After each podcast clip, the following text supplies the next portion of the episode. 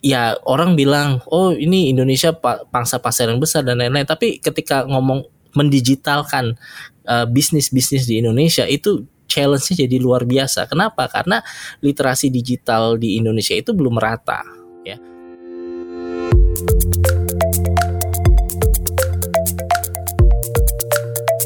Selamat datang di Ceritanya Developer, podcast yang menampilkan developer, programmer, atau engineer Indonesia inspiratif yang tersebar di seluruh dunia.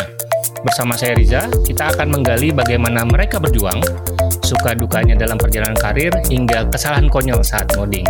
Dan sekarang kita sudah bersama narasumber yang sudah malang melintang di dunia hosting dan cloud cukup lama. Kita pernah satu frame di salah satu acara TV beberapa waktu yang lalu. Dan langsung aja kita sapa Mas uh, Urip Indra Hartawan dari Exabyte. Halo Mas Indra. Halo Mas Riza. Waduh senang banget nih saya dapat kesempatan lagi ngobrol lagi dengan Mas Riza nih. Mudah-mudahan iya, kita sama saya juga merasa terhormat ya. Itu sharing-sharing yang bermanfaat buat teman-teman yang lain ya. Sip. Oke, mulai dong uh, diperkenalkan ke para pendengar kita siapa sosok Mas Indra ini dan ingin dikenal sebagai sosok seperti apa. Oke, saya mulai ya. Mungkin saya sapa dulu para audiens ya. Terima kasih uh, atas kesempatannya juga oleh uh, Deep Tech ya uh, kali ini untuk memberikan saya kesempatan untuk mengisi di sini. Uh, Mas Riza juga terima kasih uh, sudah menemani saya. Jadi uh, nama saya Indra Hartawan. Saya saya biasanya biar singkat jadi nama depannya saya ini nggak apa-apa. Saya dikenal Indra Hartawan.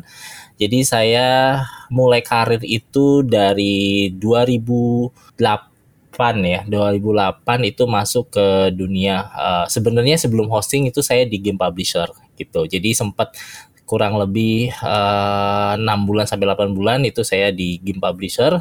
Saya juga sebagai sistem engineer di sana jadi ngurusin server, uh, instalasi, uh, saya juga mensupport uh, pelanggan ya uh, sedikit-sedikit ya waktu itu kalau ada kendala.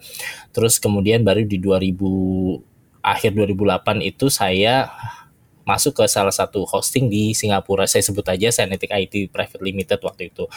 Nah, di situ saya dapat pengalaman yang sangat apa namanya besar ya. Uh, kita nanganin server atau sistem yang lebih besar. Waktu itu saya juga melayani pen, apa namanya pelanggan-pelanggan dari uh, Singapura ya. Jadi ini pengalaman pertama saya untuk melayani uh, pelanggan internasional.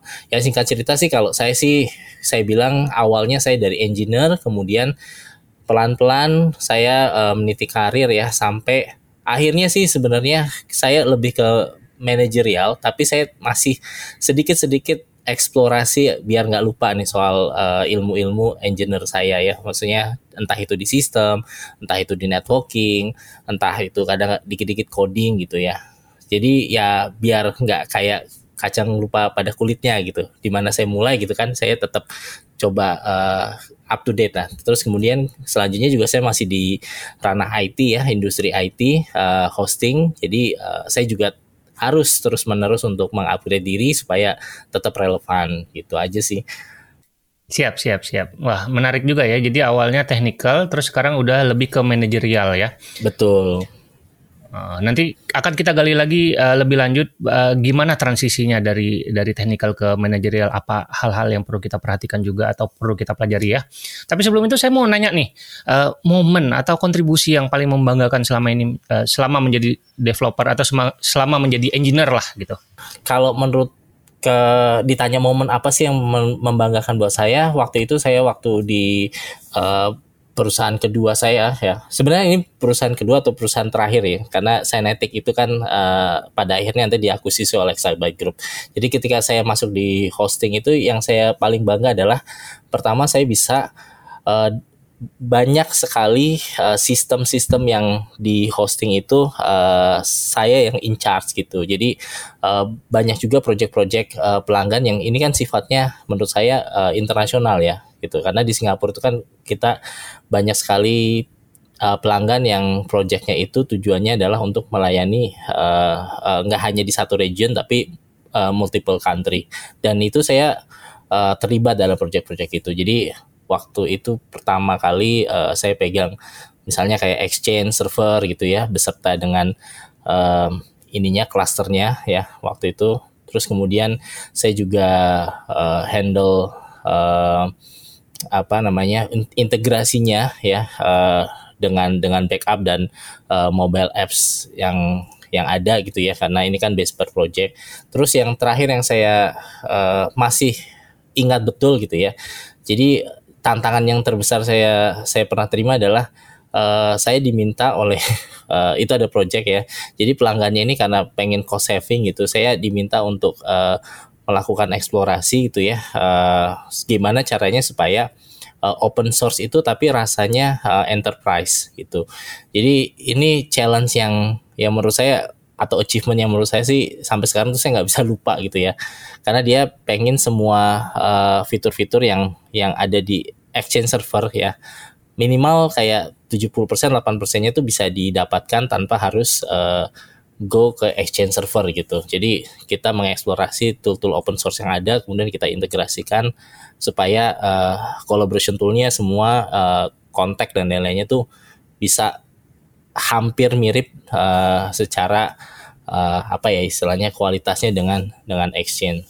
Wah seru ya. Iya. Apa open source rasa enterprise ya? Iya itu itu yang paling challenging buat saya karena karena kan itu benar-benar uh, saya harus uh, cek ya oh mana yang uh, bisa compatibility dan lain-lainnya dan beberapa juga saya harus modding dikit dan ada juga yang harus uh, bahkan dikompil uh, dari ininya ya dari paket-paket kalau misalnya Linux kan ada tuh jadi kita compile package-nya sendiri gitu ambil pilih-pilih kemudian kita install uh, supaya uh, tadi protokol atau ininya jalan ya. Gitu. Dan sekaligus membuktikan bahwa sebenarnya project-project atau aplikasi-aplikasi yang open source itu nggak kalah secara kualitas, cuman kita perlu ngulik lebih aja dibandingkan yang enterprise, benar nggak sih? Betul sekali, Mas Riza. Jadi ada ini sih, jadi ada kalau saya bilang apa ya ungkapan gitu. Kalau kamu malas ya udah bayar aja tapi kalau kamu memang uh, pengen uh, eh, dapat atau pengen tahu prosesnya ya kamu uh, coba dari yang open source. Karena pada pada akhirnya kan sebenarnya open source ini saya rasa um, lebih banyak orang yang berperan gitu ya. Karena ini kan komunitas kemudian uh, bisa kadang-kadang hasilnya bisa lebih baik daripada yang uh, berbayar. Karena apa? Karena tadi uh, tidak ada apa ya pengaruh ya dari dari bisnis itu kan dari sisi bisnis itu jadi mereka ya uh, berdasarkan ini aja um, passion gitu terus kemudian mengeksplor kemudian uh, bahkan ada ownership gitu ya di setiap project-project uh, yang mereka uh, lakukan gitu. Nah ini mungkin poin plus sih kenapa kadang open source itu saya lihat itu lebih baik dan lebih stabil gitu. Hmm, okay. sama ya kayak apa? Lebih punya jiwa ya lebih dibandingkan yang enterprise ya. Betul. Oke oke. Okay, okay. Nah tadi kan apa momen yang membanggakan. Hmm. Kalau momen yang memalukan. Memalukan apa ya? Ada nggak uh, sih yang bisa di share? Oh ada. Jadi gini. Lucu-lucu gitu. Ini, ini lucu banget.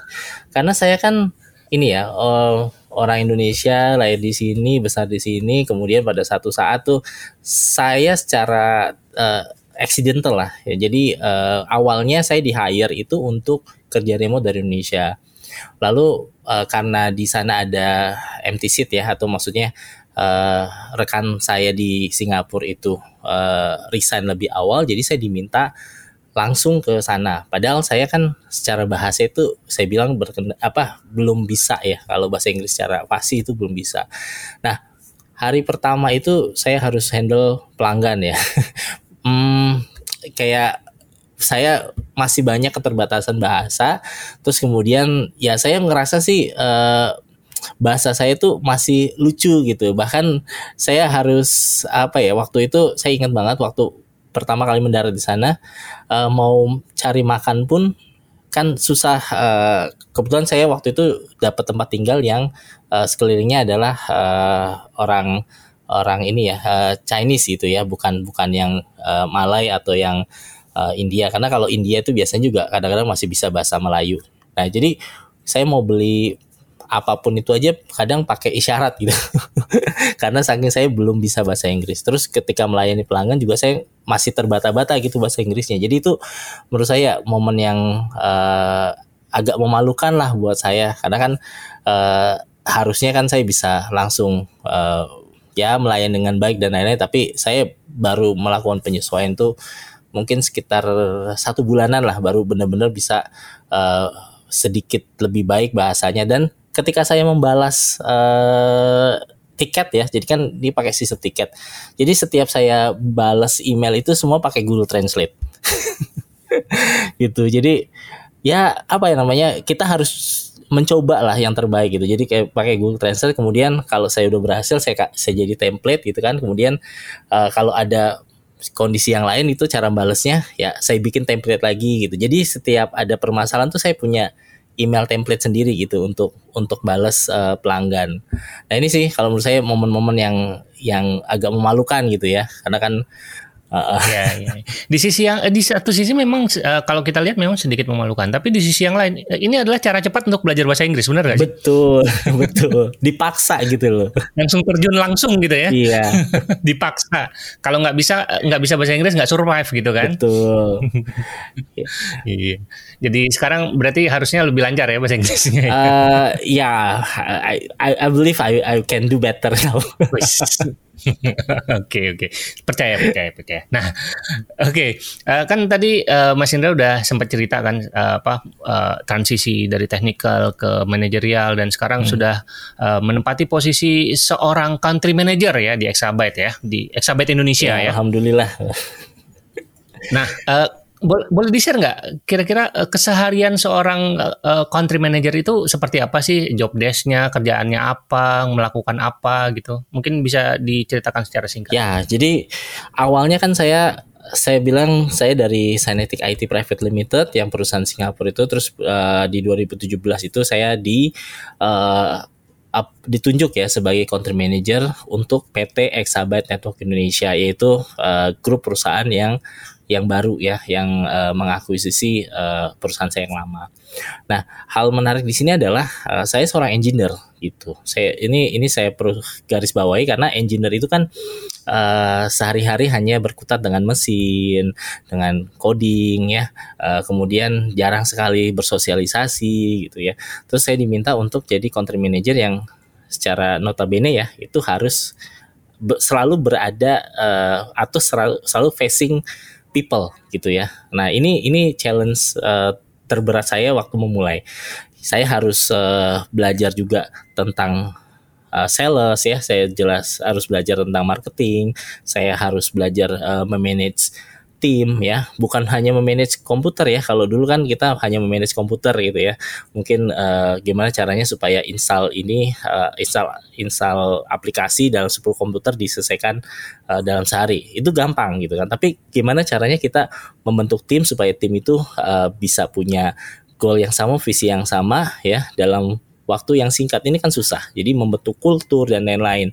Ini merupakan challenge terbesar saya. Jadi counter manager apa sih ya? counter manager ini ya, simpelnya adalah seseorang yang bertanggung jawab atas uh, operasional segala sesuatu operasional yang ada di uh, satu region ya. Nah, dalam hal ini ya Indonesia ya uh, yang saya yang saya uh, ada di sini ya gitu. Jadi saya dipercaya untuk menjalankan opres operasi ya operas, operasional dari Exabyte Indonesia ya atau Exabyte Group yang ada di negara Indonesia. Seperti itu mas singkatnya. Oke, nah ini mungkin boleh digali lebih lanjut nih. Gimana sih proses transisi dari technical ke manajerial? Kira-kira tadi kan challenge terberatnya, tantangan terberatnya adalah uh, sekarang menghadapi manusia gitu kan. Betul. Dan juga proses operation dan lain-lain gitu kan. Nah, uh, gimana Mas Indra belajar cara manage people, gimana cara apa uh, berkomunikasi, gimana cara menjalin hubungan dengan uh, apa dengan rekan kerja dan lain-lain. Kan awalnya dari teknikal gitu, dari sisi teknikal. Gimana tuh? Yang pertama uh, agak berat sih buat saya, agak susah. Kenapa? Karena kan saya cenderungnya uh, kayak apa namanya ya apa-apa dikerjain sendiri gitu ya jadi uh, Oh, sulit sulit mendelegasikan tugas ya. Nah, ya? itu challenge pertama adalah sulit mengidentifikasi okay. dan mendelegasikan tugas nomor satu. Terus kedua adalah uh, komunikasi. Nah, kita ketika berkomunikasi sama mesin ya kita ketik type-nya misalnya misalnya ya uh, run uh, komen apa gitu, enter pasti jalan gitu kan. Nah kalau kita ke manusia kan nggak bisa seperti itu ya Mas Riza. Jadi ke manusia kan kita harus kasih tahu oh ini uh, kita mau melakukan ini uh, tujuannya ini caranya seperti ini kemudian uh, silakan kalau misalnya uh, mau mau mau ada yang didiskusikan ya kita diskusikan. Jadi nggak bisa kayak mesin ya. Misalnya kita tekan ribut nanti uh, mes, apa servernya ribut sendiri kan nggak bisa gitu ya. Atau tekan power on dia nyala nggak bisa. Terus kita minta oh ini uh, satu tambah satu sama dengan berapa keluar dua ya. Kalau manusia kan nggak seperti itu. Nah ini uh, yang yang harus saya pelajari. Jadi gimana sih cara jadi uh, leader yang baik ya? Jadi leadership itu penting terus communication skill. Terus yang paling terakhir nih yang yang saya juga masih agak apa ya maksudnya uh, canggung adalah saya harus uh, tampil uh, in front of public. Ya seperti inilah maksudnya ngobrol sama Mas Riza gitu kan ngobrol sama orang baru. Uh, kalau saya sendiri sebenarnya orangnya kan uh, biasa kerja sendiri ya. Jadi ketika harus dipasang di belakang layar gitu ya belajar eh, betul kerjanya ya? di belakang layar nggak kelihatan. Terus ketika dipaksa harus maju ke depan itu jujur agak canggung awal-awal. Tapi saya harus membiasakan diri harus banyak berlatih terus harus uh, nah ini yang paling penting uh, belajar dari tim ya. Jadi orang kebanyakan mungkin berpikir kalau kita jadi leader itu kita harus yang pasti paling bisa. Uh, menurut saya salah Justru ketika kita jadi leader, yang yang harus kita lakukan dulu adalah kita lihat tim kita gitu ya, mana yang mana yang berpotensi, mana yang ini. Dan kadang-kadang kita harus uh, bahasanya kalau orang Jawa itu legowo ya, legowo untuk uh, belajar dari teman kita atau teman kerja kita atau bahkan dari mungkin subordinate kita gitu. Jadi kadang-kadang memang subordinate kita bisa share informasi lebih penting gitu. Ketika kita nyambung berdiskusi kadang-kadang bisa kita bisa memutuskan sesuatu yang uh, jauh lebih baik hasilnya gitu ya atau melaks apa namanya bisa membuat strategi yang bisa jauh lebih baik daripada kita hanya uh, berpikir sendiri. Nah itu sih yang yang saya rasa ya se sejauh ini.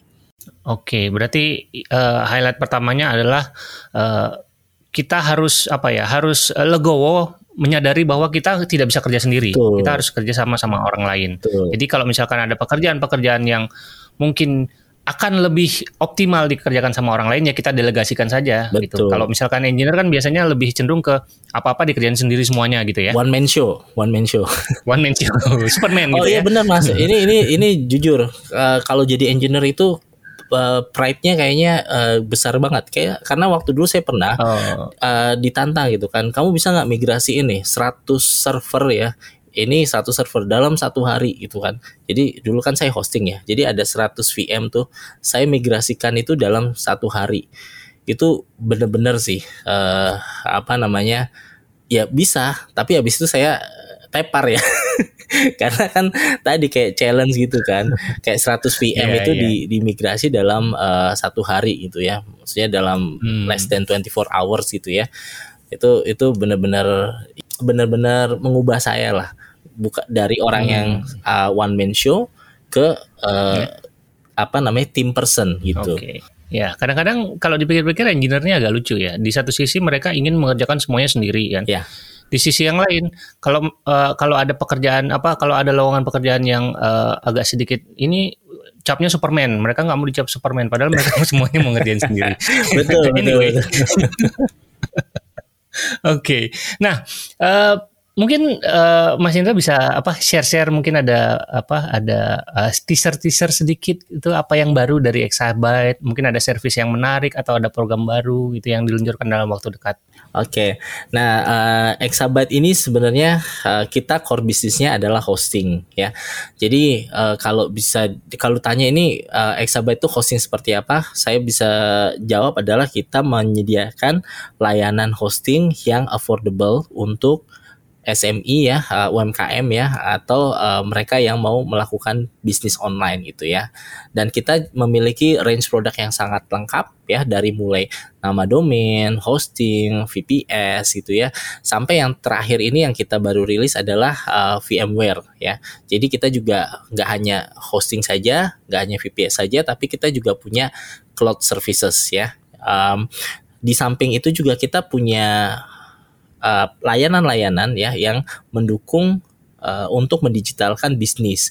Contohnya kita punya uh, marketing tools ya seperti uh, Facebook Ads, uh, kemudian uh, Google Ads gitu ya layanan Facebook dan Google Ads ya. Terus kemudian kita juga punya uh, email email blast ya uh, service gitu ya. Terus juga kita punya ada juga bisnis aplikasi ya seperti misalnya EasyWork ya. Ini uh, mobile HR service ya. Jadi kalau misalnya sekarang kan lagi uh, sebagian besar uh, perusahaan masih WFH ya. Jadi kalau misalnya gimana cara melakukan HR ya atau memilih aplikasi HR yang tepat untuk kondisi saat ini ya kita punya solusinya juga. Terus kita juga partner dengan Microsoft 365, uh, kita juga resellernya Dropbox ya, kita juga reseller dari uh, HelloSign dan tidak lupa kita juga punya produk range enterprise ya yang antara lain ya seperti dedicated server, colocation dan lain-lain. Jadi kalau ditanya ya apa yang kita lakukan ya ini uh, cukup lengkap sih Mas, tapi untuk untuk layanan sendiri kita memang lebih berfokus pada uh, sisi enterprise. Jadi untuk pelanggan-pelanggan enterprise. Oke, okay. gitu. wah menarik ya. Sangat lengkap ya. Uh, dari A sampai Z ada ya berarti ya. Yeah. luar biasa. Nah, ini kan apa uh, si Exabyte sendiri kan mulai masuk nih ke uh, ranah cloud kan. Jadi saya penasaran banget nih. Uh, kira-kira ada strategi khusus nggak buat penyedia jasa lokal cloud seperti Exabyte gitu ya uh, untuk bertahan dari gempuran cloud-cloud luar gitu? Ya, mungkin bisa di-share pendapatnya. Kalau kalau saya ya, uh, ketika kita memulai PT Exabyte Network Indonesia ini, tantangan terbesar dari kita justru bukan dari kompetitor, Mas. Tantangan terbesar dari kita adalah ternyata kita baru sadari uh, Indonesia itu potensi marketnya besar. Hanya saja mereka masih uh, masih sebagian besar itu tidak teredukasi dengan baik uh, uh, untuk digitalnya. Makanya digitalisasi di Indonesia itu ya orang bilang oh ini Indonesia pangsa pasar yang besar dan lain-lain. Tapi ketika ngomong mendigitalkan uh, bisnis-bisnis di Indonesia itu challenge-nya jadi luar biasa. Kenapa? Karena literasi digital di Indonesia itu belum merata ya. Uh, contoh kasus uh, saya saya kan waktu di tahun pertama hanya berkutat di, di Jakarta ya, maksudnya di kota besar di Jakarta. Terus kemudian ya kita masih uh, apa namanya di di zona nyaman lah. Jadi kita cuman uh, hanya lihat Indonesia itu landscape Indonesia itu hanya dari internet gitu kan. Nah kita ngelakuin yang namanya uh, eh, IDD Roadshow waktu itu ke tujuh kota dan kita menemukan fakta-fakta yang baru gitu loh. Ternyata uh, edukasi adalah kunci dari bisnis ini. Jadi bukan sekali lagi bukan gempuran dari luar dan lain-lain. Uh, saya rasa sah-sah aja ya. Misalnya kalau dari apa namanya cloud services yang besar misalnya masuk ke Indonesia kemudian mereka menawarkan uh, layanan yang yang unik yang solusi yang unik buat buat uh, UMKM atau pebisnis Indonesia ya sah-sah aja tapi masalahnya penetrasi kita ya uh, tergantung dari tingkat edukasi atau literasi digital dari masyarakat Indonesia itu sendiri. Nah, Makanya exabyte ya yang yang kita lakukan adalah kita fokus untuk mengedukasi para pelaku-pelaku bisnis ini yang tadinya enggan untuk mendigitalkan bisnis supaya mereka tahu gitu loh potensinya apa sih yang bisa mereka raih ketika mereka uh, punya channel online gitu. Jadi saya tidak bilang tutup channel offline kemudian hanya fokus di online enggak. Yang saya bilang adalah setiap bisnis paling tidak harus punya uh, channel online gitu. Mereka mau fokus di offline-nya terserah. Uh, tapi kalau mereka nggak pernah nggak punya channel online ya uh, mereka akan kalah kompetisinya dengan dengan bisnis-bisnis lain yang mereka memang sudah menguasai sisi digitalnya gitu. Jadi uh, kita mengedukasi lewat uh, event uh, rutin kita di Exabyte Digital Day misalnya ya ini setiap dua dua mingguan ya uh, kita adakan uh, secara online ya karena ini masih pandemi Terus kemudian ada lagi yang untuk developer kita juga ada namanya Exabyte uh, Developer Club ya atau event-event besar lima tahunan yang kita lakukan setiap tahun. Contohnya kayak SMA Digital Fest, kita punya juga Indonesian Website Awards ini uh, ajang penghargaan ya. Kita juga meng pengen mengapresiasi ya uh, teman-teman yang ada di uh, engineer ya terutama atau developer yang ada di Indonesia supaya mereka terus meningkatkan ya apa namanya kualitas dari website yang mereka buat. Terus kemudian ada juga yang namanya marketing fest. Nah, ini juga untuk uh, insight-insight mengenai digital marketing misalnya. Terus kemudian kita juga punya uh, web fest, kita juga punya cloud fest gitu ya. Ini untuk yang pokoknya kita lakukan event-event besar dan kecil itu tujuannya adalah untuk mengedukasi. Dan lagi-lagi ya kalau kita ngomong mengenai event-event ini kita tidak tidak mengkomersialkan kita justru malah lebih ke arah uh, gift-nya lah ke community. Karena kebanyakan dari event ini itu sebenarnya free of charge. Itu sih uh, yang kita ya. lakukan Oh, berarti memang apa market si uh, cloud dan hosting sendiri sebenarnya belum terlalu mature sehingga harus diedukasi lebih lanjut dan juga kita nggak bisa hanya bicara di kota-kota besar atau startup-startup aja gitu ya. Karena karena kalau startup kota-kota besar pasti udah tahu semua cloud itu apa. Tapi kalau untuk daerah-daerah uh, di luar Jakarta atau di luar Jawa, terus juga mungkin uh, mungkin usahanya tidak ada hubungannya sama online itu mereka bahkan belum tahu gitu ya. Iya, betul. Dan itu yang yang mau di, di apa mau ditargetkan oleh Exabyte gitu.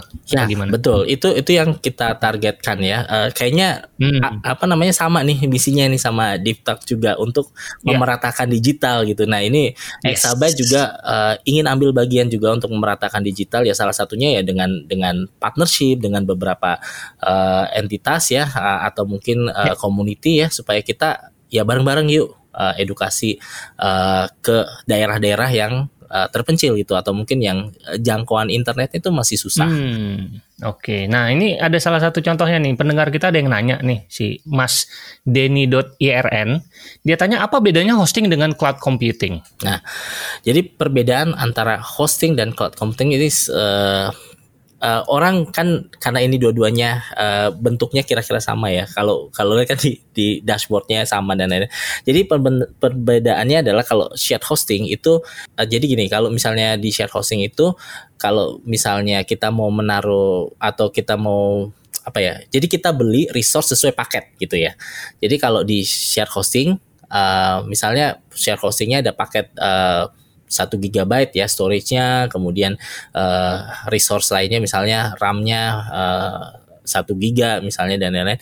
Jadi mereka hanya bisa beli itu berdasarkan paket-paket yang sudah diberikan oleh provider gitu. Ini ini uh, untuk hosting. Jadi tidak fleksibel lah. Terus kedua banyak sekali limitasi. Misalnya karena hosting provider ini kebanyakan untuk me menciptakan paket atau produk hosting kan ini biasanya untuk apa ya untuk banyak orang ya atau untuk uh, volume base gitu ya. Mereka menargetkan volume gitu ya.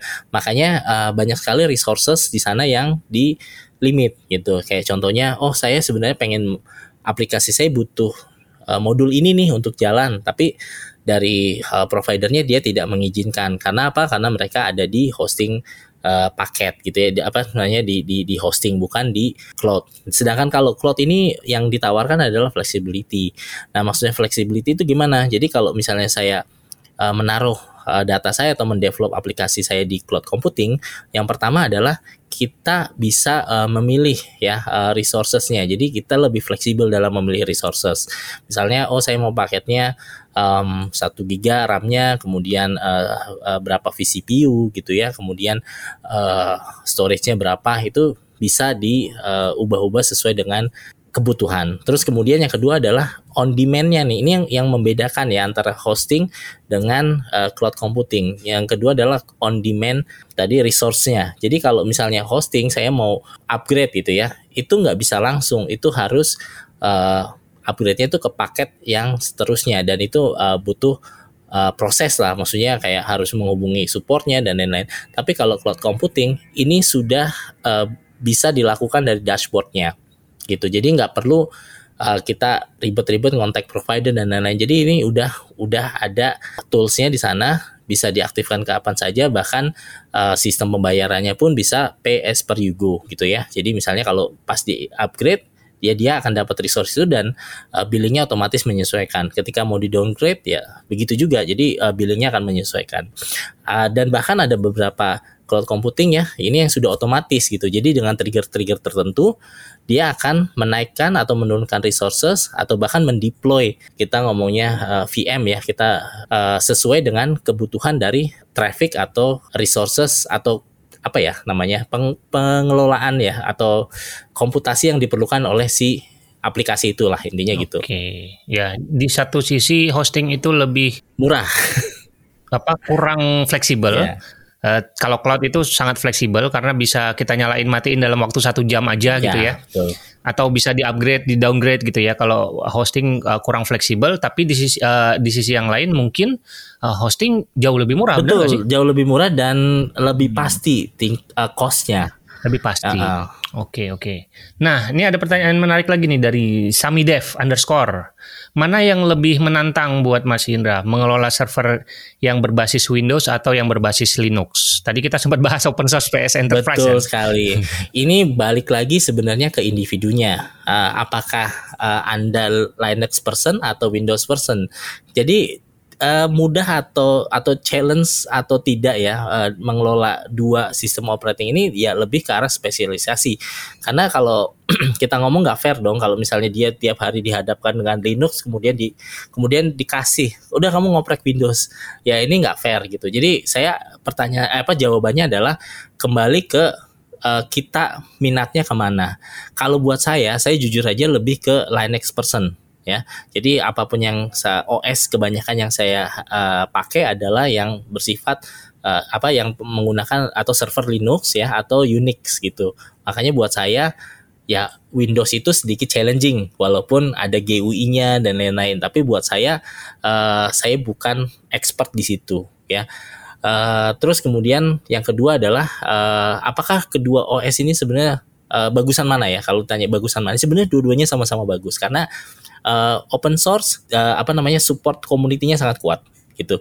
Jadi apa pun yang kalian butuhkan, kebanyakan uh, community juga butuh itu gitu dan uh, ada modulnya, uh, ada patchnya dan lain-lain. Jadi uh, soal keamanan juga nggak perlu diragukan.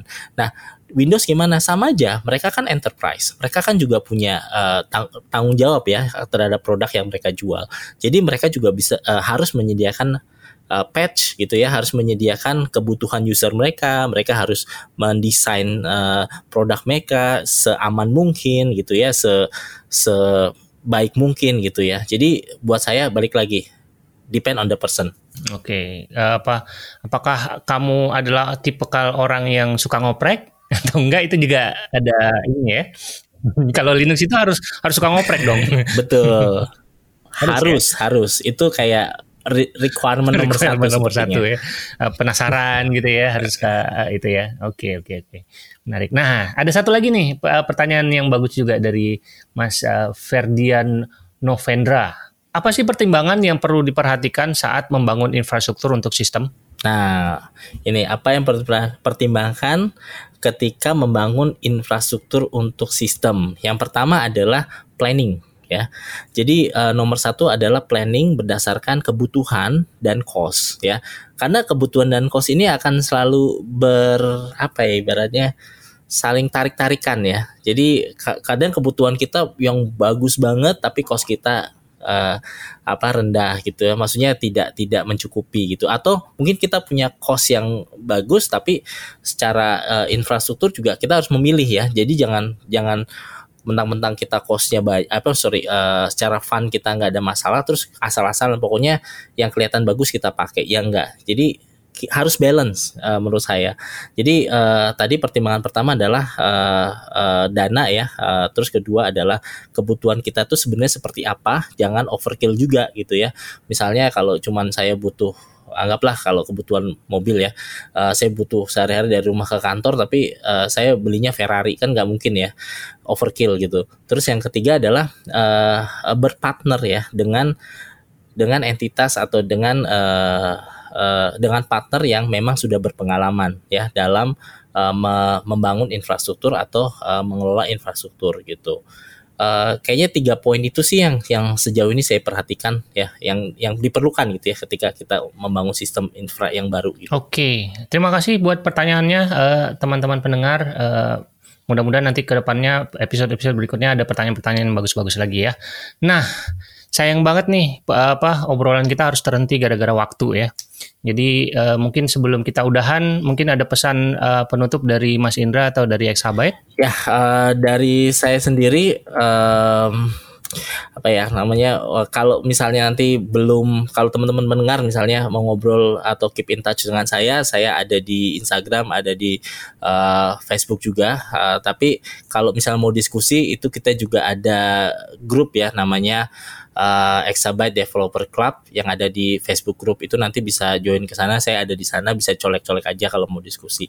Nah, uh, sebelum saya akhiri juga saya uh, mau share dikit nih lah informasi ya. Uh, Exabyte ini dalam rangka uh, 21st anniversary juga ya. Kita juga banyak sekali uh, promo-promo, informasi-informasi menarik, kemudian aktivitas-aktivitas uh, webinar. Tadi yang saya jelasin ya di awal kita banyak sekali webinar yang menarik yang uh, mungkin bisa membantu teman-teman ya uh, untuk mengerti lebih baik tentang uh, bisnis digital atau mungkin uh, tadi teknologi-teknologi terbaru yang ada di uh, di apa namanya di internet uh, dan lain-lain. Nah, uh, supaya teman-teman nggak ketinggalan ya uh, bisa juga di follow Facebooknya Exabytes ya, uh, Instagramnya Exabyte ya, uh, terus juga uh, kita juga ada di YouTube uh, dan Twitter. Jadi ya nanti dicari aja uh, kalau di Facebook tuh exabyte.co.id, kalau di uh, Instagram itu exabyte underscore id, uh, exabyte underscore id sorry ya. Terus di Twitter dicari aja Exabyte Indonesia seperti itu. Karena uh, kalau misalnya join event-event Exabyte juga uh, itu ada ada hadiah-hadiah yang menarik ya. Selain dapat ilmu juga bisa dapat uh, door prize door prize lah yang yang menarik buat teman-teman semua ya. Jadi itu aja dari saya. Uh, sama terakhir kita punya misi uh, untuk mendigitalkan bisnis sampai ke pelosok itu berhasil lah gitu aja ini ya. Oke kalau gitu terima kasih banyak Mas Indra atas waktu dan ceritanya sukses terus untuk karir dan kehidupannya. Oke, terima kasih Mas Riza.